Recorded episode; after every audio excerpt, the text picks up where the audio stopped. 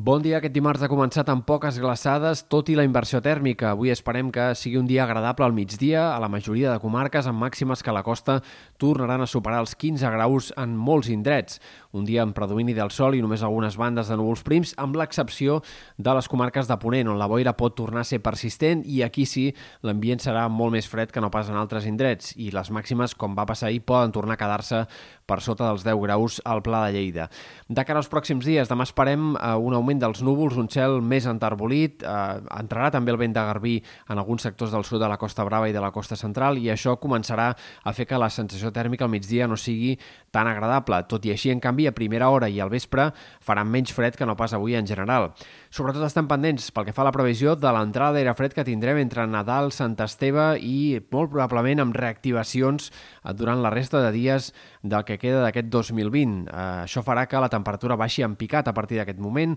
sobretot a partir de Nadal i especialment de cara al cap de setmana, dies en què la temperatura serà ben bé 7, 8, 9, 10 graus més baixa que no pas aquests últims dies. Per tant, fred de ple hivern el que tindrem a partir de Nadal i insistim que, tot i que amb algunes pujades i baixades, probablement durant 5 o 6 dies seguits, com a mínim, fins a cap d'any. Entre el dia 24, dijous, i per Nadal hi haurà algunes nevades a més a més, nevades que afectaran bàsicament el vessant nord del Pirineu, la Vall d'Aran, nord del Pallars, Principat d'Andorra, amb una cota de neu que del dia a Nadal al matí podria ja arribar a ser eh, doncs molt baixa i afectar, per tant, aquestes emblanquinades totes les cotes. A la resta també algun ruixat puntual en comarques de Girona i de Barcelona entre la nit de Nadal i el matí de Nadal, però en tot cas xàfecs bastant puntuals i que difícilment arribaran a ser eh, de neu a cotes gaire baixes. Hi ha poques opcions que la neu es presenti fora del Pirineu en aquest inici de les festes. També destaquem d'aquest canvi de temps l'entrada de la tramuntana que el dia de Nadal bufarà amb ratxes fortes en sectors de l'Empordà.